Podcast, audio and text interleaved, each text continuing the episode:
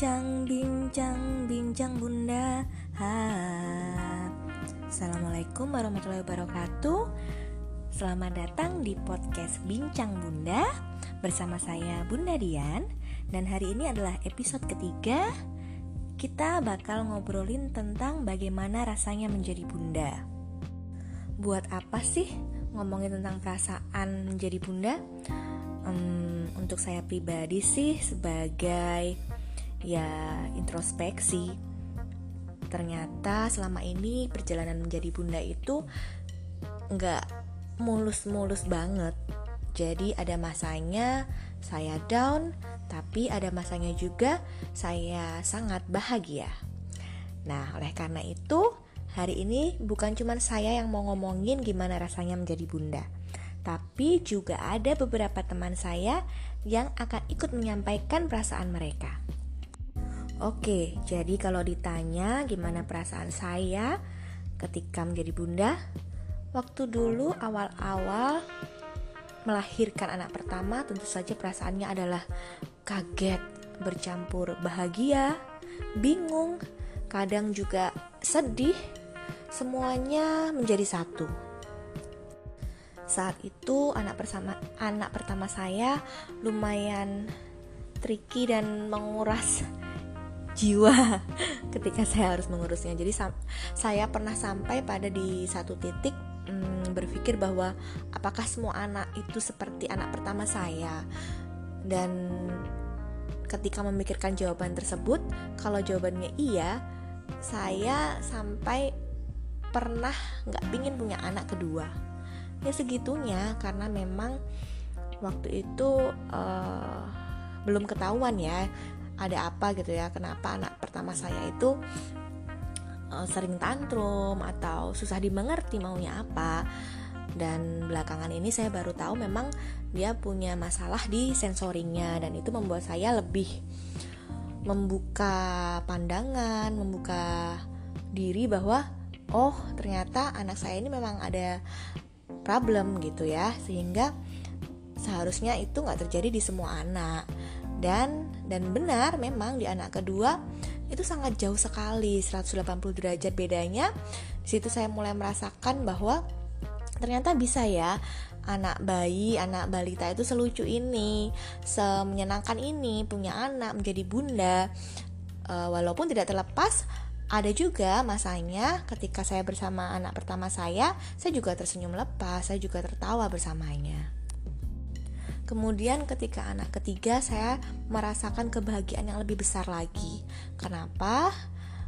Uh, entah entah ini benar atau tidak ya, tapi menurut saya pribadi anak laki-laki itu lebih tangguh terus nggak baper nggak nggak lama nangisnya gitu jatuh paling nangis sebentar terus udah deh diam atau ada keinginan yang nggak dituruti ya dia paling teriak sebentar habis itu udah deh santai lagi. Beda banget sama dua kakak perempuannya. Apalagi anak ketiga ini saya sudah satu rumah dengan suami sehingga proses pengasuhan dan mengurus si bayi bintang anak ketiga itu lebih uh, ada bala bantuan setidaknya jadi bisa gantian bersama suami. Kalau pas anak saya nggak mau makan gantian suami yang nyuapin dan dia jadi mau. Saya jadi nggak stres dong. Nah itu ternyata juga bikin saya jadi lebih bahagia saat menjadi bunda di anak ketiga ini. Kesimpulannya, saya merasakan kebahagiaan yang luar biasa saat menjadi bunda, tapi sekaligus ada masa-masa di mana saya merasa sedih. Kalau anak sakit misalnya ya, saya merasa galau dan bingung ketika anak menangis dan saya nggak tahu penyebabnya apa. Dan ada masanya juga saya merasa apakah saya pantas menjadi ibu, menjadi bunda? Apakah saya sudah gagal menjadi bunda ataukah ya ini adalah versi terbaik menjadi bunda yang ada pada diri saya.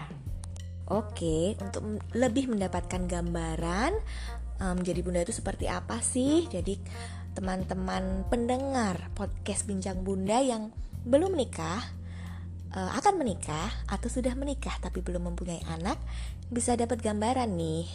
Jangan sampai nanti terkaget-kaget ternyata um, menjadi bunda itu seperti ini toh. Nah, kita akan saya akan bacakan perasaan teman-teman saya. Yang pertama ini ada perasaan Bunda Vina, ibu dari tiga anak. Menjadi bunda itu campur aduk, ada bahagia, sedih, galau, macem-macem deh. Bahagia ketika melihat anak-anak tidak terasa sudah tumbuh besar dan tahu-tahu sudah SD.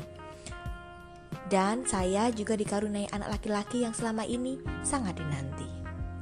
Sedih kalau anak-anak berani sama orang tuanya berperilaku kurang santun, dan saya juga masih berjuang dengan mengasihi dan begadang, berjuang menaikkan berat badan bayi.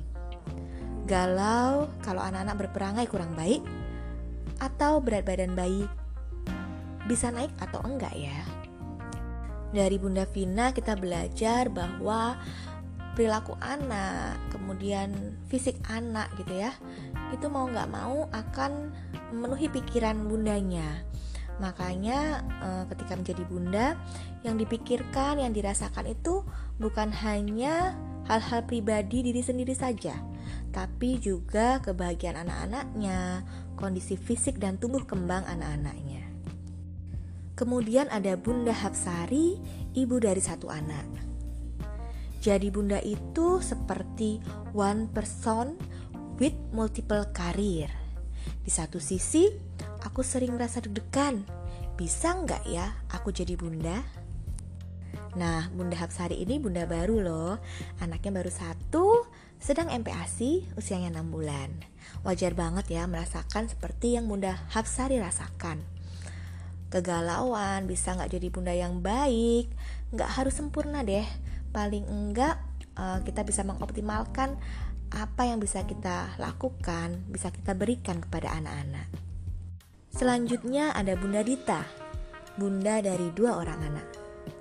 Jadi bunda itu berarti harus mau upgrade diri, apalagi buat kaum rebahan. Kalau nggak mau nanggung risiko anaknya niru jeleknya, ya kudu berubah. Bundanya dulu yang berubah. Wow, inspiratif. Bener banget kata-kata Bunda Dita ini di mana-mana kalau mau anaknya jadi baik, ya orang tuanya dulu yang harus jadi baik, harus jadi teladan. Kita nggak bisa nyuruh anak suka sayur misalnya ya, tapi kitanya sendiri nggak suka. Mereka tuh nggak akan nurutin kata-kata kita, karena yang mereka lihat itu lebih merupakan sesuatu yang lebih masuk ke otaknya. Jadi mereka lebih meniru dengan apa yang mereka lihat sehari-hari. Oke, nah ini terakhir ada Bunda Eka, bunda dari empat orang anak. Eh, tiga ya, tiga dan sebentar lagi akan menjadi bunda dari empat orang anak. Wow, luar biasa ini ya. Kata Bunda Eka, menjadi bunda buatku adalah kesempatan langka yang amazing banget yang Allah berikan padaku. Berasa menjadi bunda sejak saat pertama kali kita diberitahu kalau ada sesuatu yang bernyawa di dalam perut kita. Setelahnya, apa pun yang menyertainya adalah semua hal luar biasa yang bikin kita bangga. Siapa sih yang bangga dan bahagia saat dikasih mual muntah dan perut tidak nyaman? Ya cuma bunda. Dan puncaknya, bahagia adalah saat baru saja berhasil melahirkan bayi yang selama ini dirindukan kehadirannya. Benar-benar bangga menjadi perempuan. Setelahnya, tak ada waktu lagi yang penting selain membersamai buah hati, buah hati kita. Melihat mereka tumbuh satu inci demi satu inci yang diikuti semua tingkah laku mereka, belajar menjadi kita. Semakin bertambah buah hati, semakin bahagia kita menjadi bunda. Miniatur kita, fotokopi kita, merekalah kebanggaan, merekalah kebahagiaan. Dan semakin banyak mereka, makin bikin kita pingin menambah banyaknya kita dalam bentuk mereka. Jadi bunda, it's amazing, rahmat langsung dari Allah. Jadi seorang bunda itu, alhamdulillah, bahagia, bangga, dan penuh warna. Wow, luar biasa banget ya perasaan Bunda Eka, ibu dari uh, hampir empat orang anak. Ternyata menjadi bunda itu benar-benar membentuk seseorang yang pribadinya itu miniatur kita. Makanya kalau kita ingin dia menjadi orang yang lebih baik dari kita, berarti kitanya kitanya juga harus berubah. Kitanya sebagai bunda harus menjadi orang yang lebih baik sehingga anak-anak kita juga juga menjadi orang yang lebih baik daripada kita. Jadi gimana? Perasaanmu menjadi bunda apakah sama dengan perasaan bunda-bunda yang sudah aku bacakan perasaannya? Oke, sampai ketemu lagi pendengar podcast Bincang Bunda di episode berikutnya. Wassalamualaikum warahmatullahi wabarakatuh. Bincang, bincang, bincang Bunda. Ha.